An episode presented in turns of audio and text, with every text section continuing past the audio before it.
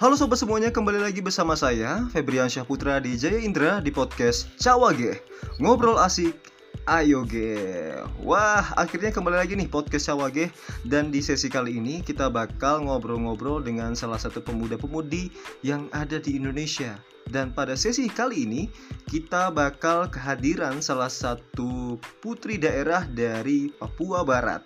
Dan beliau merupakan seorang pemudi yang saat ini lahir dan besar di tanah Papua. Dan pada hari ini juga kita bakal ngobrol tentang membangun dari timur Indonesia. Siapa dia? Langsung aja kita sambut ini dia Kak Francisca Tebay. Halo Kak, apa kabar? Halo, kabarnya baik. Alhamdulillah. Saat ini gimana Kak Siska? Uh, uh, tinggal di mana nih? Lagi di mana sekarang? Di daerah mana? Sekarang saya di Manokwari, Papua Barat. Manokwari, Papua Barat. Masya Allah. Baik Kak Siska, uh, Kak Siska ngomong-ngomong dari lahir, besar dan saat ini tinggal di Manokwari Kak ya? Jadinya ya? Lahir di Nabire, besar hmm pendidikannya di Manokwari. Oh, kalau Nabire itu kak, itu di Papua Barat juga kak ya? Nabire itu Papua. Oh di Papua, Papua kak ya? Iya. Jadi saat ini semua keluarga ada di Papua Barat tapi kak, atau di Papua? Ada yang di Papua, ada yang di Papua Barat. Oh oke okay, oke okay. Pokoknya yang penting Kasiska adalah seorang pemudi dari tanah Papua kak ya Mau Papua ataupun Papua Barat ya Nah Kasiska uh, sebelumnya mungkin Kasiska bisa kenalin diri nih Kepada para pendengar setia di podcast Sawage Kasiska bisa perkenalkan diri dan asalnya dari mana Dan mungkin bisa ceritakan tentang aktivitas dan pekerjaannya saat ini Silakan kak Oke baik, terima kasih kesempatan yang diberikan kepada saya. Nama saya Francisca Tebai, biasa dipanggil Siska. Asal hmm. saya, asal saya Dogiai Papua. Hmm. Besar dan pendidikan Manokwari Papua Barat.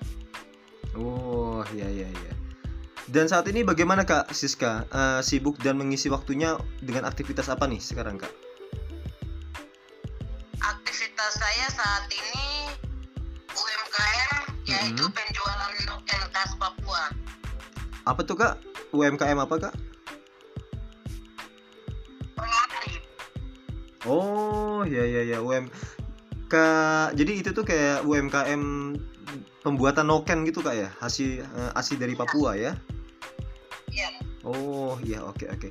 Nih Kak Siska selama menjalani dan membangun UMKM khususnya dalam memproduksi UE, Noken ini, kira-kira udah berapa lama nih Kak Siska? Itu saya sudah melakukan usaha ini dari tahun 2008. Mm -hmm, 2008. Sambil ja mm -hmm. sambil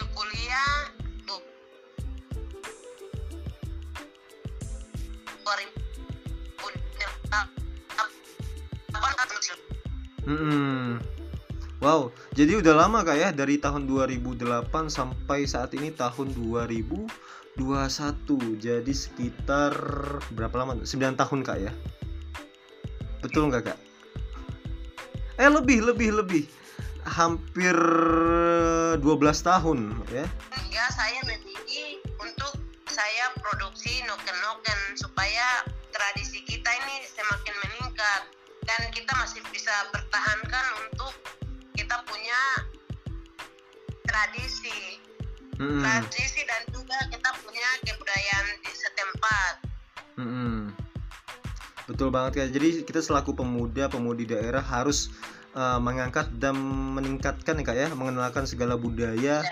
dari daerah kita agar tidak punah oleh zaman gitu kayak ya. Betul banget nih. Nah kak Siska mungkin teman-teman di luar sana nih banyak yang belum tahu apa sih itu noken. Mungkin kak Siska bisa jelasin nih kak. Noken tuh apa sih kak? Gitu. Noken itu semacam tas. Mm -hmm. tapi di sini tuh ada juga yang kita merajut dari benang. Yeah. terus ada juga yang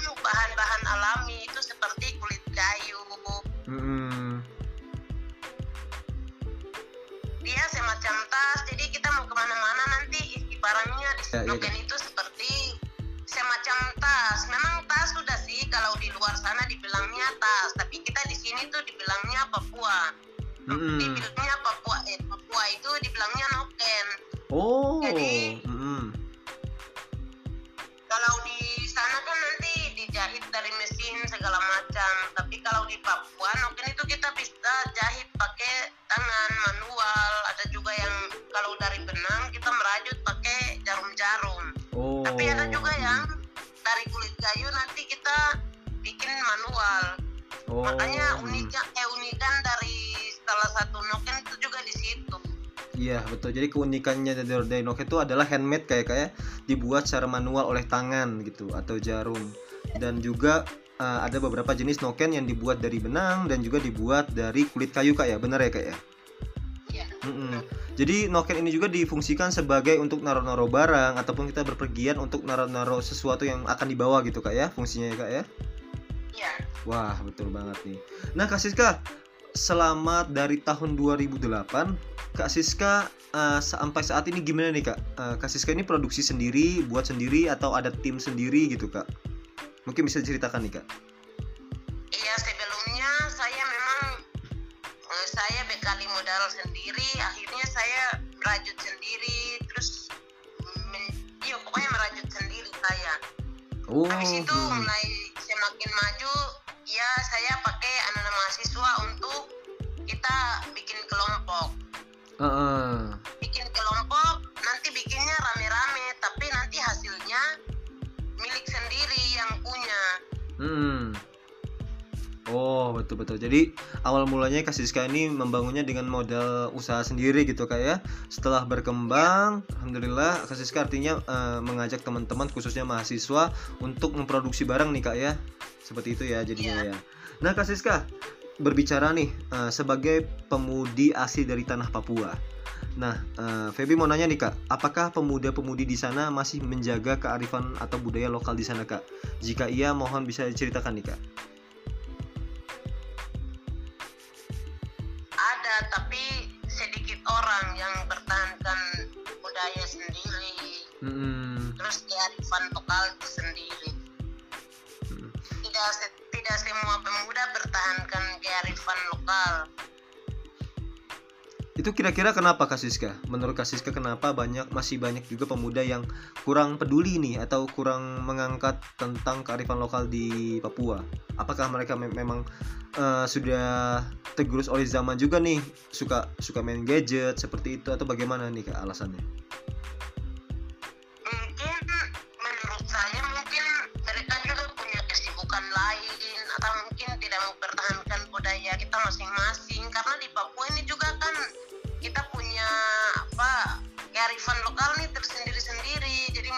Mungkin tidak mau pertahankan atau tidak mungkin orang tuanya tidak diajari pertahankan budaya tersebut Hmm, ya betul banget kak ya. Jadi eh Kak Siska nih, kira-kira kak eh sebagai pemudi asli dari tanah Papua juga nih kak ya, apa sih motivasi dan keinginan Kak Siska gitu loh eh, untuk daerah khususnya kampung halaman Kak Siska tersendiri nih, tercinta nih. Harapannya gimana? Kalau khusus untuk khusus untuk saya punya kampung sendiri, harapan besar saya pemuda-pemudi sekarang boleh pertahankan kami punya pembuatan noken supaya pembuatan noken ini bisa kita pertahankan tradisi kita di kampung halaman saya. Oh ya, jadi kampung halaman Kak Siska yang di mana nih kak? Monokwari ya? Dogiai, Dogiai, Dogiai, Dogiai. Papua.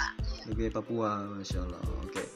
Nah, Kak Siska, kira-kira menurut saat ini bagaimana nih perkembangan daerah khususnya di tanah Papua nih kak? Apakah sudah banyak kemajuan? Nah, jika iya, mungkin Kak Siska bisa ceritakan nih kak. Eh, Kak Siska melihat di tanah Papua nih sudah maju dalam sektor apa aja nih kak?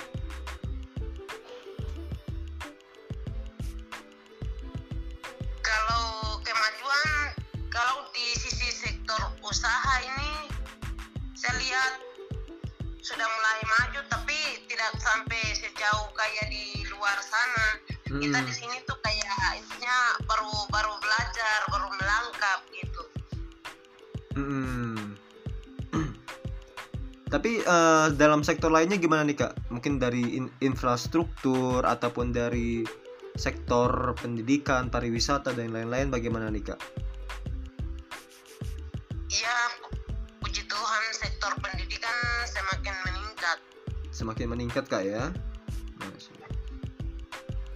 Nah, Kasiska, menurut Kasiska nih, sebagai masyarakat dari wilayah timur Indonesia, apakah di Papua masih dikatakan sebagai daerah yang tertinggal nih kak? Bisa Kasiska jelaskan?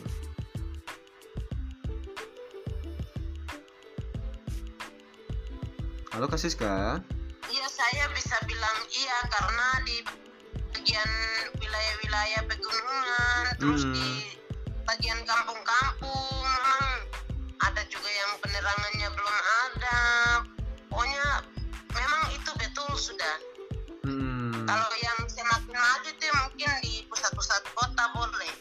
Oh iya iya betul betul kak ya. Jadi inilah kak ya mungkin uh, tugas kita semua dan juga dukungan pemerintah di beberapa daerah di luar juga di tanah Papua, di Sulawesi, di Kalimantan. Masih banyak juga daerah-daerah yang mungkin belum berkembang khususnya memang masyarakat yang tinggal di pegunungan gitu kak ya. Akses listrik kurang mendukung. Daerah-daerah terpencil dan terluar seperti itu kak ya. Oke nih kak. Uh, menurut kak Siska sebagai pemudi dari tanah Papua apa yang harus pemuda-pemudi lakukan khususnya dari warga dan pemuda Papua untuk bisa membantu membangun tanah tercinta yaitu Papua. Bagaimana nih kak?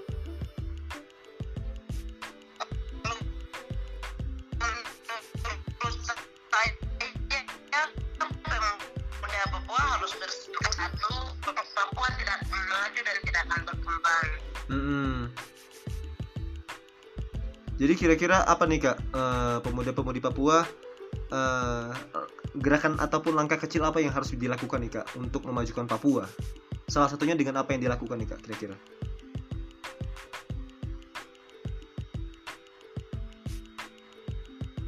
Halo Kak Siska. Uh, menurut Kak Siska nih, bagaimana nih kak peran pemuda-pemudi di Papua untuk uh, memajukan atau uh, membantu membangun tanah tercinta yaitu Papua nih kak. Apa yang harus dilakukan nih kak kira-kira?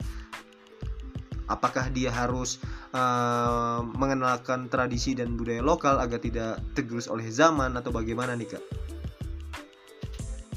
Iya, itu harus apa budaya-budaya budaya-budaya atau tidak kearifan lokal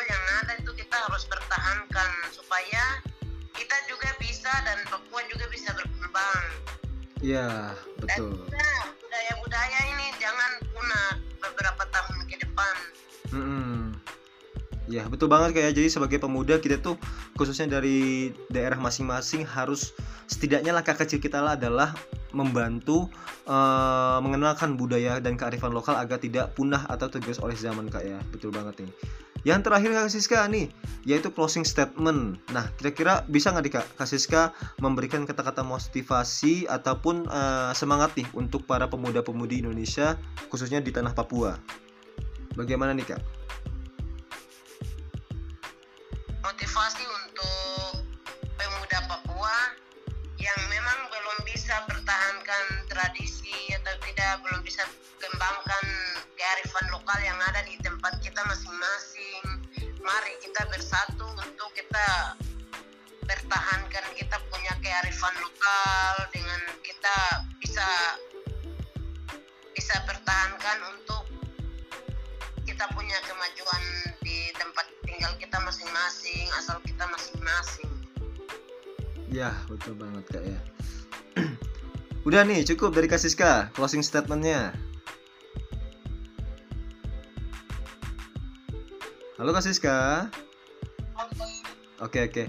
Mungkin itu aja Kak ya uh, Kak Siska. Terima kasih nih Kak untuk waktunya dan bisa bisa sharing-sharing uh, dan juga ngasih semangat nih untuk para pemuda-pemudi khususnya dari tanah Papua. Nah, uh, sekian teman-teman uh, podcast kita hari ini. Semoga bisa bermanfaat dan tentunya jangan lupa saksikan terus di episode selanjutnya hanya di podcast Cawage Ngobrol Asik Ayo Ge.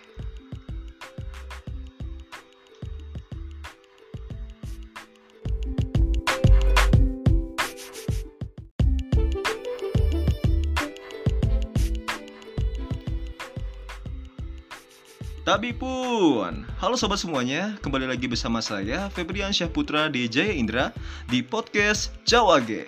Ngobrol asik, ayo ge. Wah, kita sekarang ada di episode ke-22 dan pada hari ini dan di sesi kali ini kita bakal ngobrol-ngobrol seputar dengan tema anak muda membangun desa dengan salah satu pemudi yang sangat luar biasa dan tentunya sangat menginspirasi bagi kaum milenials dan kaum pemuda yang ada di Indonesia. Beliau merupakan uh, pemudi yang berasal dari provinsi Nusa Tenggara Timur. Penasaran siapa dia? Langsung aja nih kita panggil. Ini dia, Maybe Agnesia Neolaka. Halo Maybe, apa kabar? Halo, puji Tuhan, baik. Apa kabar? Alhamdulillah kabar baik juga nih Mei. Gimana Mei? Kamu sekarang lagi di mana nih? Desa Oenlasi, Kabupaten mm -hmm. Timur Tengah Selatan, mm -hmm. uh, Provinsi Nusa Tenggara Timur. Itu pokoknya tiga jam lah dari ibu kota gitu. Tiga jam dari ibu kota. Hmm, tapi satu pulau ya Mei ya? Masih satu pulau ya? Iya satu pulau. Masih satu pulau. Oke Mei, mungkin uh, maybe sebelumnya dan pertama-tama bisa nih kenalin namanya dan mungkin bisa ceritakan juga asal dan aktivitasnya saat ini gimana nih? Ayo silakan maybe kenalkan namanya dan juga bisa ceritakan nih uh, apa asal dan aktivitas dan kesibukannya maybe saat ini bagaimana?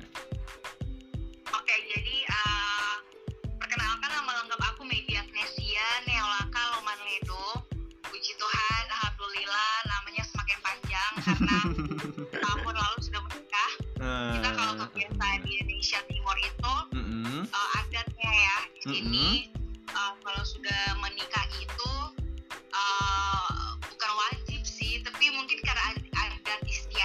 iya. adat ya jadi uh, bisa mungkin membawa nama suami gitu. Jadi mm mungkin kalau aku sih ngelihatnya biar aku tahu punya suami gitu biar nggak mm -hmm. oh gitu. Ya ya ya ya nggak mau bercanda gitu kan. Iya iya iya. ya udahlah gitu kan.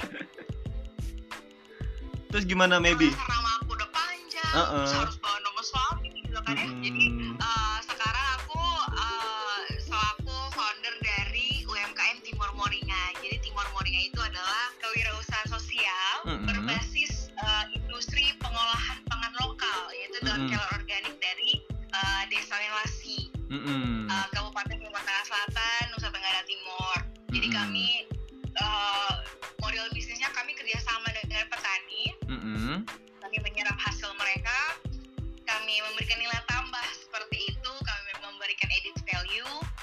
uh, diolah menjadi beberapa produk turunan mm-hmm. kan, seperti teh celup daun kelor, serbuk daun kelor, mm-hmm. coklat daun kelor, kapsul kelor dan sebagainya.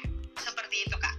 Wow, kayaknya keren banget nih produknya ya. Uh, apalagi produk dari olahan daun kelor merupakan dari produksi juga dari tanah NTT yang diproduksi juga oleh masyarakat. NTT dan di uh, foundernya nih asli juga dari NTT wah maybe. Nah kita bicara tentang UMKM yeah, nih maybe ya tentang Timor Moringa.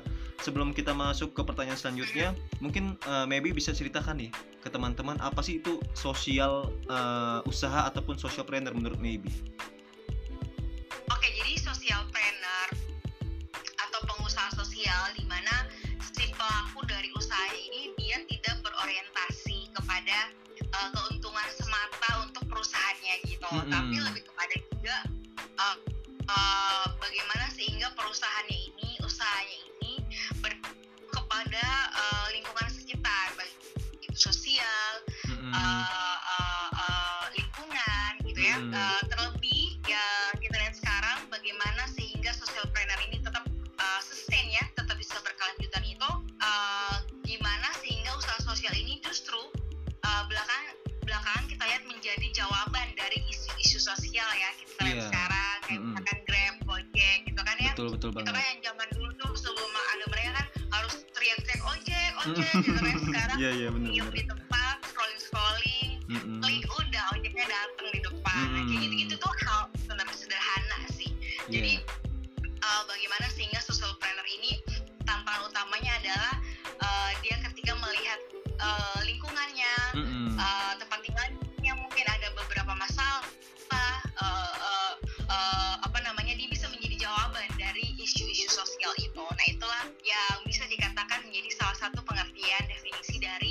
social Wow, bener banget ya Maya. Jadi eh, uh, Timor Moringa ini merupakan sebuah sosial usaha yang bukan hanya bukan tolak ukurnya yang utama adalah mencari keuntungan perusahaan, tapi lebih tepatnya adalah mengatasi permasalahan di suatu daerah atau di daerah maybe khususnya dan membantu dan memberikan impact yang bermanfaat untuk masyarakat sekitar ya Mei ya.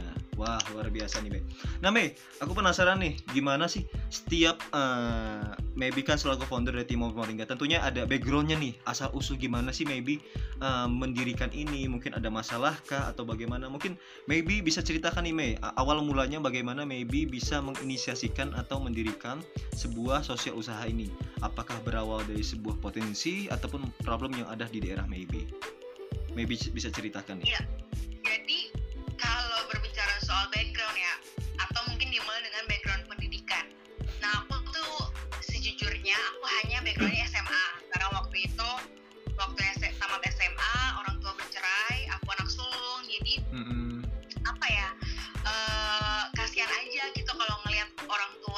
tunggal kan mama aku khususnya mm -hmm. beliau harus menghidupi tiga orang anak terus akunya juga belum ada pekerjaan terus mm -hmm. harus uh, mempush beliau untuk biayain aku kuliah kan aku juga nggak tega gitu kan akhirnya aku mau memutuskan aku kerja dulu gitu kan ya yeah, yeah. kerja kerja kerja kerja nah di situ tuh titik balik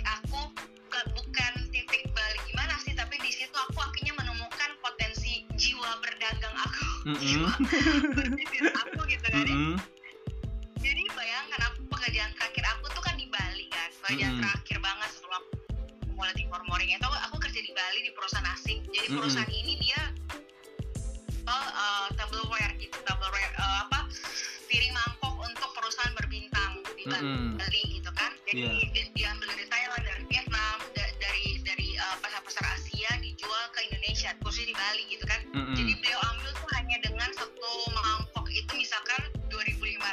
mm -hmm. dia bisa jual di Bali itu dengan harga 60 ribu 80 ribu aku hitung-hitung wah, wah untung banget ya gitu kan mm -hmm. ya nah aku sebagai uh, staffnya tuh ternyata ada yang namanya kan membership card gitu kan yeah, jadi uh -uh. yang dapat member yang punya kartu member ini kalau dia belanja uh, uh, minimal di atas satu uh, juta itu dia bisa dapat dapat porting sekitar 30 sampai 35 persen. Iya. Mm aku suruh ada saudara waktu di Bali, mm -hmm. dia beli di atas satu juta dapat porting. Nah dia jual lebih tinggi lagi gitu ke tamu-tamu asing ke wisatawan kan, ke orang-orang bule. Udah dari situ mm -hmm. aku berpikir gila ya, gue kerja sama orang aja jiwa dagangnya itu masih ada gitu kan. Uh. Ya, jadi dari situ dia uh, uh, apa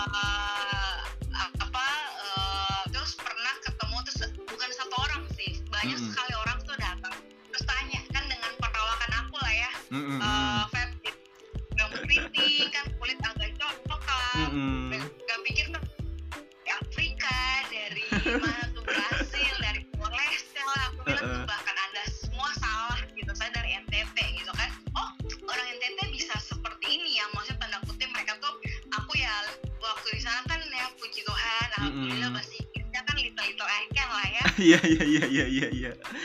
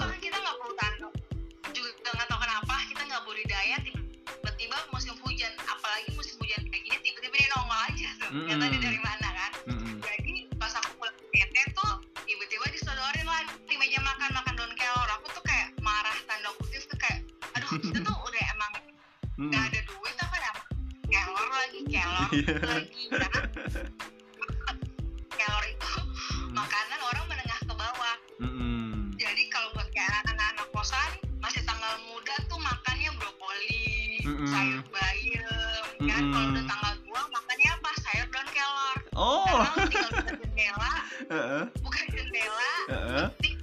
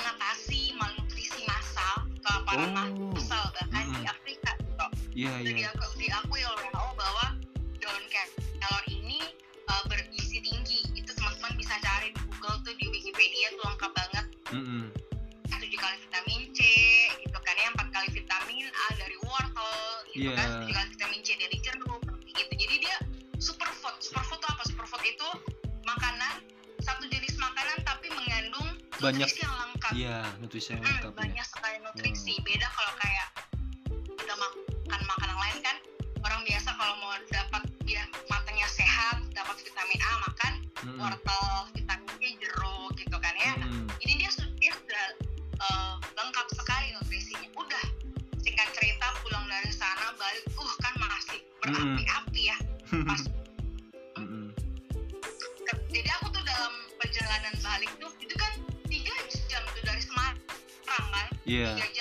Semarang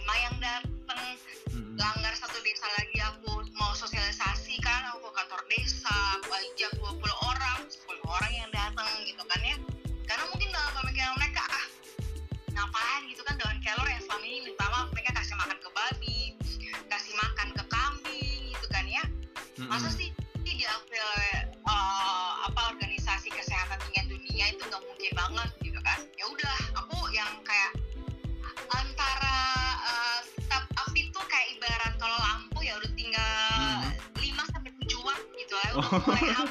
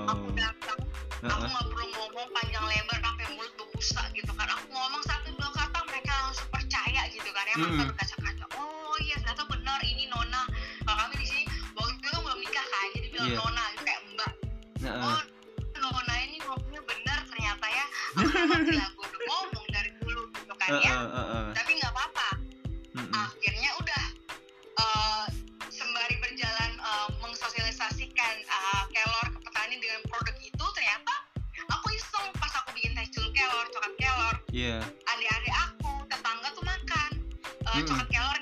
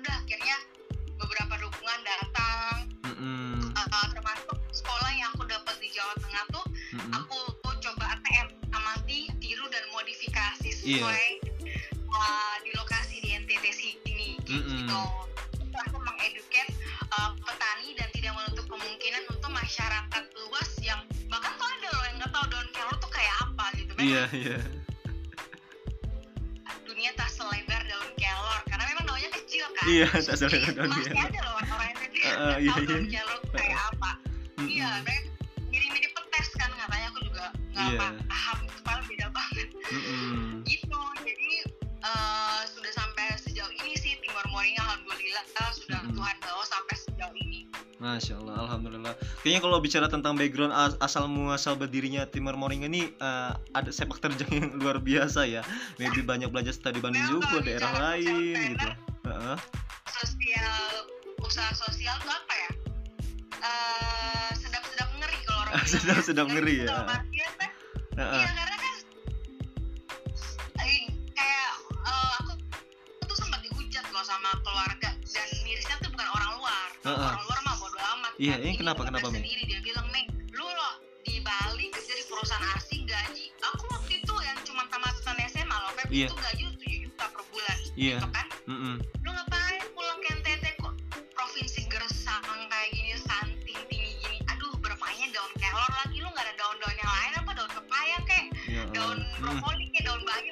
keren gak sih udah karena uh, dan satu figur yang waktu itu dukung aku banget bahkan kasih aku uang untuk modal tuh mama mm -hmm.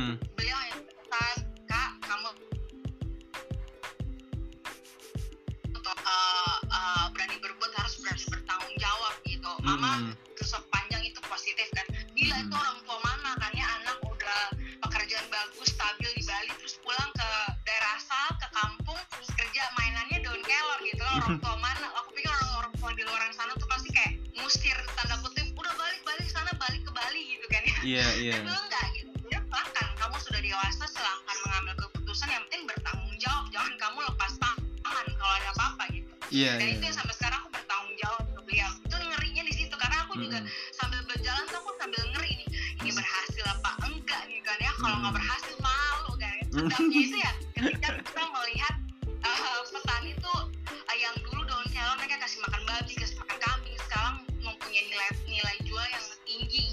betul, bagus betul. kan Nah, mereka bisa mendapat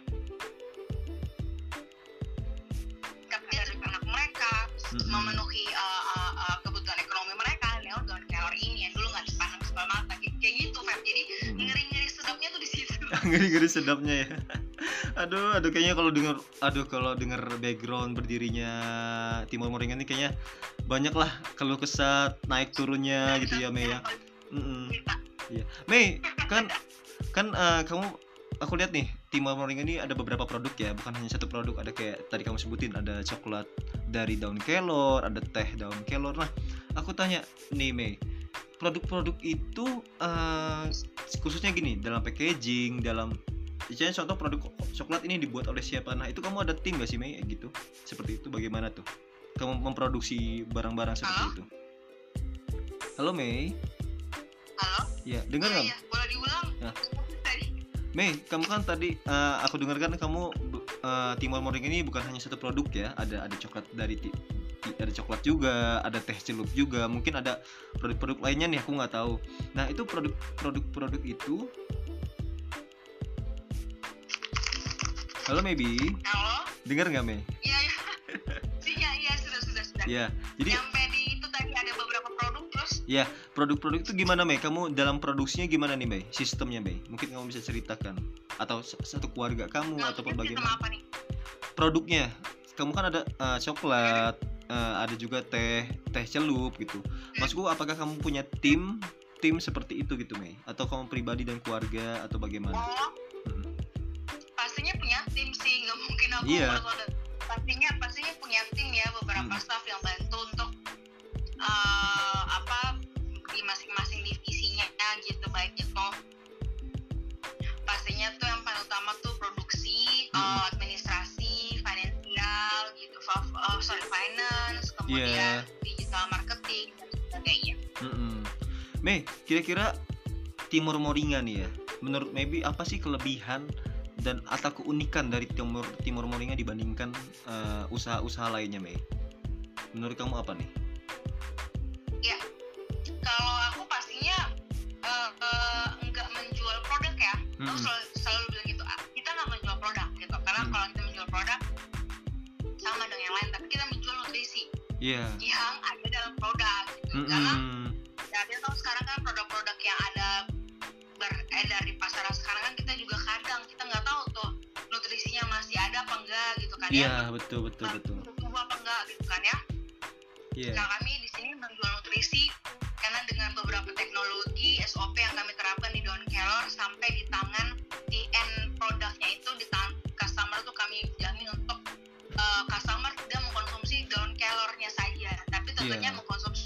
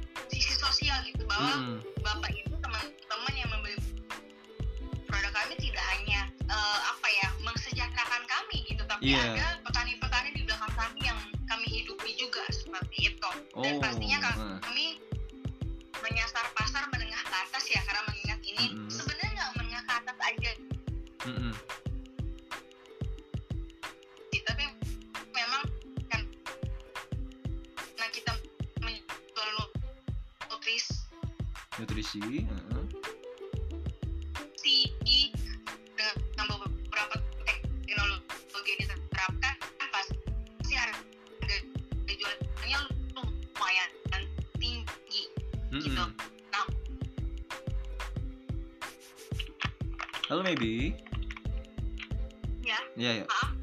sudah sudah. Tadi agak putus-putus sebentar tapi nggak apa-apa. Aku ulang? Nggak tidak usah tidak usah Mei. Udah udah cukup kok. Mei oh, iya, eh, oke Uh, Timor Moringa ini kan uh, tentunya Ah iya Mei aku belum tahu nih. Kira-kira sampai sekarang udah berapa tahun nih Mei? Timor Moringa ini berdiri Mei? Kita dari 2018 jadi sudah 2018. mau masuk 4 tahun. Sudah mau masuk? 4 tahun. 4 tahun ya Masya Allah Nah Mei Ya. uh, tadi kan jelasin ya bahwasanya Timur Morning ini bukan bukan tujuannya bukan untuk menjual produk tapi lebih tepatnya adalah menjual sisi dalam istilahnya adalah memberdayakan masyarakat dan juga menjual nutrisi karena kita tahu juga kan ya juga sih betul banyak banyak produk-produk di luar sana yang hanya jual produk cuman mungkin uh, nutrisinya sudah tidak ada gitu kan bahkan ya hanya untuk cemilan bagaimana cuman Timur Morning ini adalah bagaimana menjual produk-produk hasil dari pemberdayaan dan juga uh, tumbuhan khas dari NTT mungkinnya yang banyak ditemukan di sana dan juga iya. memiliki nutrisi yang tentunya bisa mengatasi salah satunya adalah stunting gitu ya maybe ya yang ada di NTT. Wow. Mei, kamu tahu kan Mei, kita mungkin hampir dua tahun lah ya nih ya sampai sekarang bahkan masih mempengaruhi nih. Kita ada mengalami suatu musibah yaitu pandemi, dilanda pandemi COVID-19. Tentunya dengan adanya pandemi ini bukan hanya pelaku usaha ya, sam semua sektor usaha, perusahaan, bahkan orang-orang banyak yang di apa ya bahasanya di di tidak kerjakan lah selama di uh, pandemi karena faktor itu. Menurut Maybe gimana Mei uh, pengaruh COVID-19 terhadap Tumor Moringa ketika itu? Kalau kalau ditanya seperti itu ya, hmm. disclaimer ya, hmm. sekali lagi aku justru tidak sengaja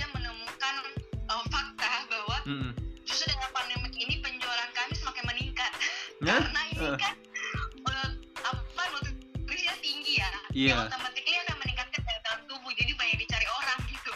jadi aku mau bilang gimana ya? Mm-hmm. mau dibilang bersyukur juga uh, bersyukur tapi kayak so kesannya kayak bersyukur di atas penderitaan orang lain. Iya iya iya iya iya iya. nah, makanya aku bilang ini apa ya berkah yang dalam yang aku temukan yang secara tidak sengaja gitu. Tapi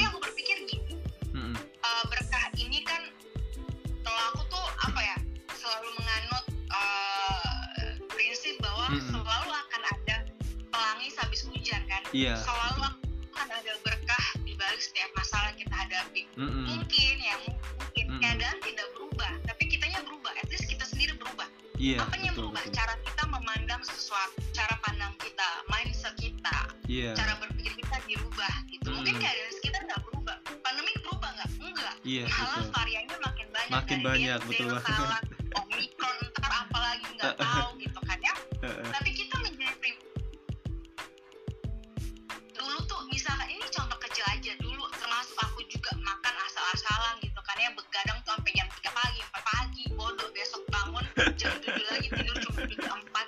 uh, uh, iya. kan makan betul betul betul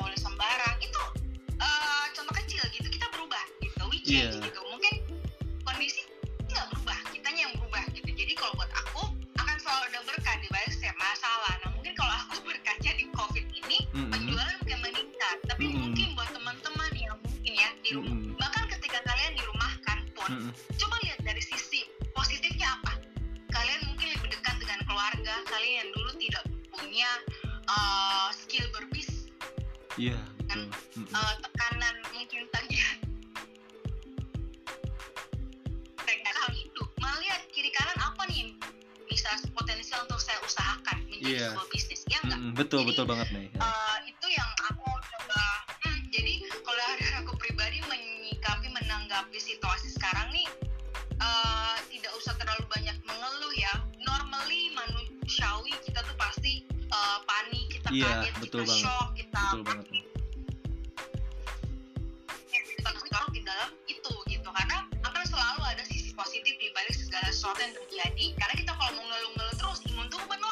Iya betul banget terkena covid seperti itu betul banget sih yang kata Mebi tadi sampaikan ya setiap uh, musibah setiapnya itu ada sisi positif ataupun ada suatu hal yang bisa kita petik lah hikmahnya gitu kan.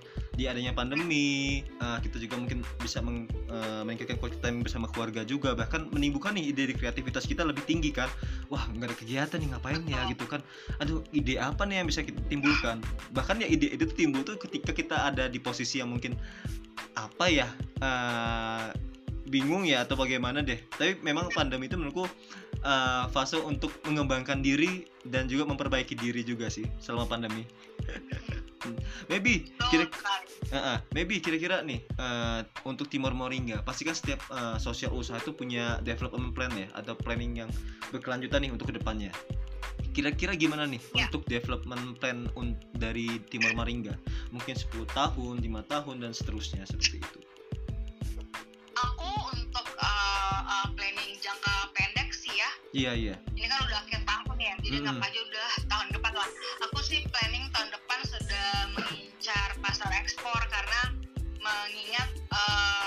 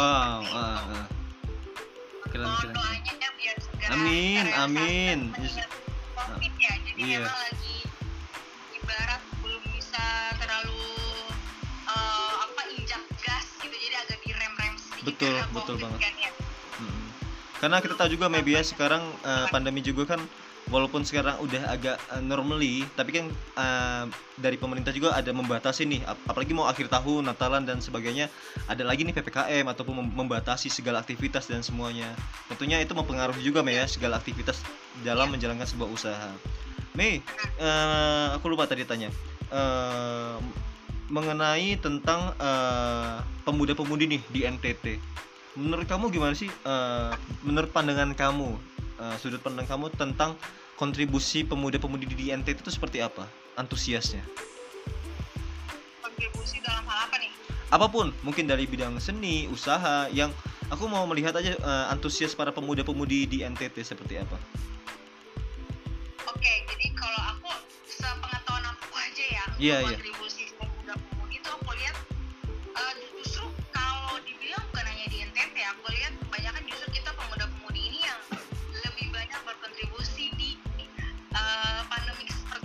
Karena mungkin kita banyak waktu nganggur kali ya, jadi gitu iya ya. iya iya iya Heeh. Apa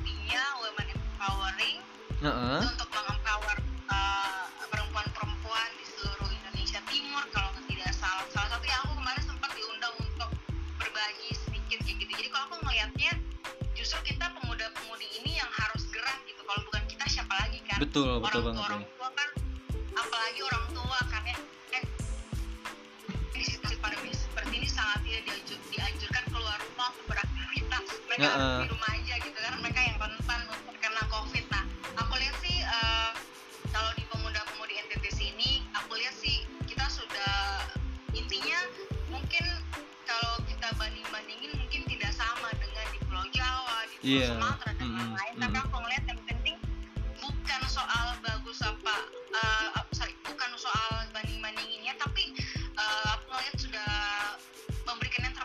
iya gitu betul karena betul banget kalau kita banding bandingin mungkin buat kita biasa aja tapi buat Iya. orang itu dia sudah kasih yang terbaik gitu jadi aku Mm-mm. ngeliat eh, justru kita ini muda-mudi yang paling berkontribusi besar ya untuk eh, membantu menopang apalagi kita lihat sekarang kan kata Pak Jokowi bahkan Mm-mm. justru UMKM ini yang paling berkontribusi besar untuk menopang betul apa ya uh, ketahanan ekonomi, Ekonomi Indonesia, Indonesia, gitu kan, ya. betul betul Ah, banget, betul banget. sudah data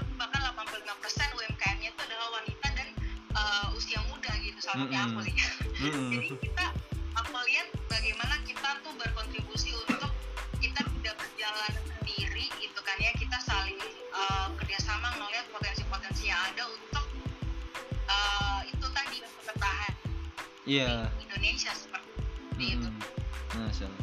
Betul banget nih Maybe yang kata tadi Maybe. Ya, Intinya eh, aku pernah dengar juga sih May eh, ada ada kata ya atau kalimat every step matters selangkah lebih berarti ataupun segala sesuatu hal kecil itu pasti ada manfaatnya. Jadi walaupun eh, apa pun yang pemuda lakukan selagi dia melakukan yang terbaik dan berkontribusi walaupun sekecil apa pun itu paling ber- bermanfaat dibandingkan tidak sama sekali. Betul nggak Mei? Betul. Betul banget. betul, Mei. Nah, maybe nih kan aku tahu kan sebagai founder. Nah, kalau dengan kata founder itu tentunya identik dengan leader, seorang leader atau CEO, chief eh, executive officer, bukan eksekutif kayaknya deh. Bukan eksekutif, lebih tepatnya chief everything officer. Jadi segalanya. dari pemasaran, dari eh, semuanya deh. Ke- Kebanyakan gitu ya. Nah, maybe menurut maybe nih sebagai sebagai apa ya, leader ataupun Uh, menurut Maybe bagaimana nih Mei? Uh, seorang leader itu dalam menjalankan sebuah sosial usaha sifat atau karakter apa nih yang harus dimiliki seorang leader tentunya dalam khususnya dalam menjalankan sebuah sosial usaha. jangan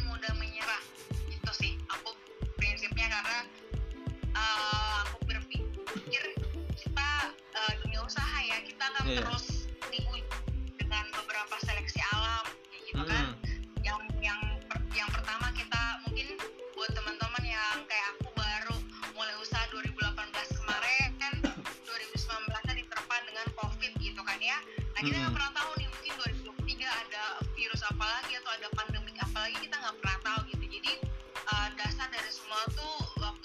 tuh jangan jangan uh, harus dimulai dengan passion dan jangan pernah uh, mudah menyerah seperti Iya. itu karena Betul. kalau kita mulai sesuatu karena ikut ikutan nah, nah- nanti di tengah jalan ketemu tantangan rintangan apalagi kayak covid sekarang ya segala sesuatu serba nggak pasti cepat berubah gitu kan Iya. ya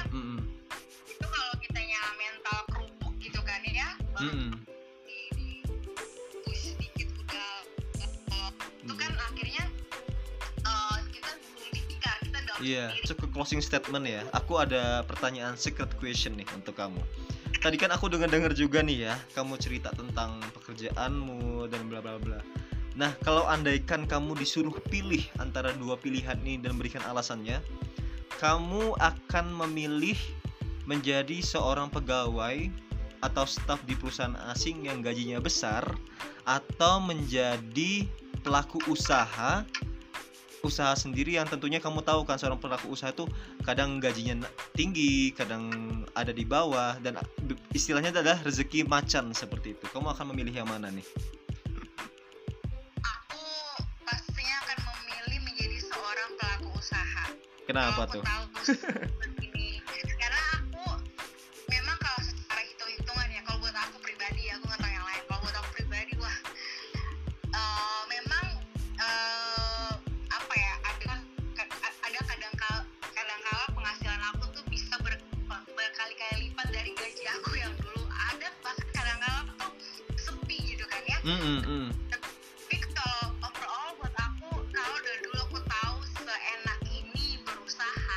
Iya. aku akan tetap lebih untuk menjadi pengusaha gitu karena Mm. sebenarnya bukan masalah gaji juga ya bukan masalah gaji itu Iya. penting karena aku nggak nggak naik aku juga manusia Iya, uang betul banget. hidup gitu kan ya Mm. bukan aku hidup untuk uang tapi aku juga aku butuh uang untuk bertahan hidup gitu tapi Betul, betul. lebih daripada itu aku uh, yang paling utama tuh aku bisa ketemu suami aku yang sekarang Masya Allah, Ah. asik. sekarang kalau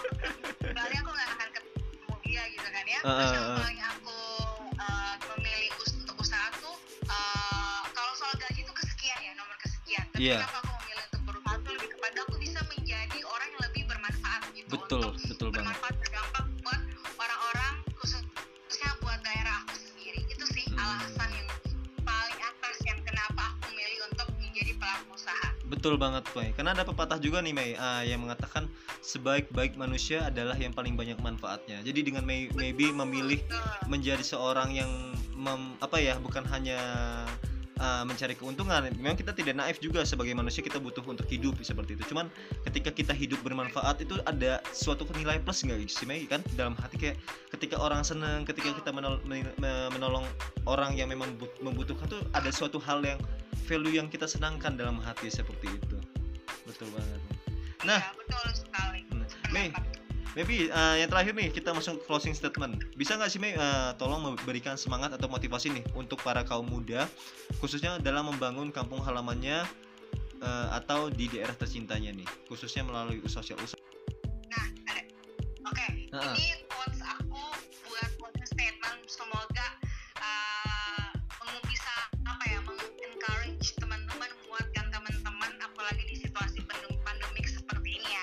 ya. Betul betul.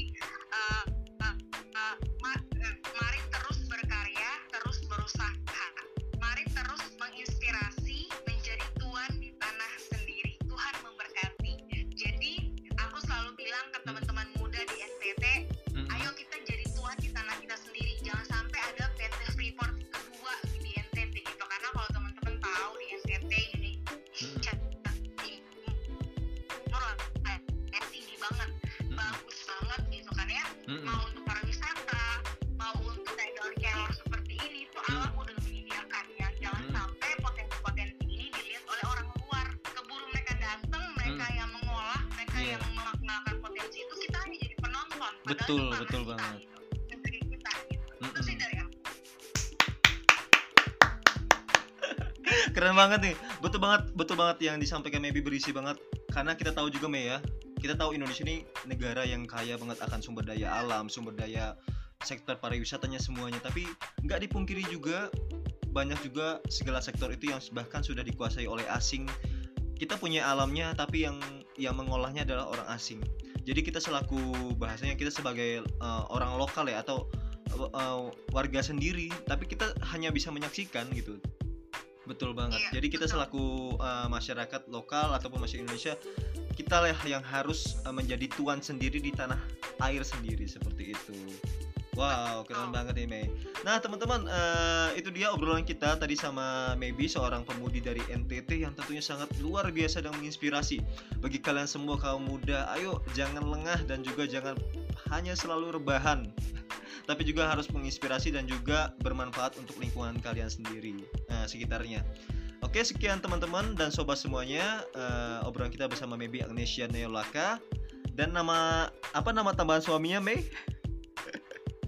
Nah, Neolakanya itu tambahan. Aku sebenarnya Maybe Agnesia Loman Ledo. Oh, Loman Ledo. satunya Neolaka, ya. Oke, jadi oke lah.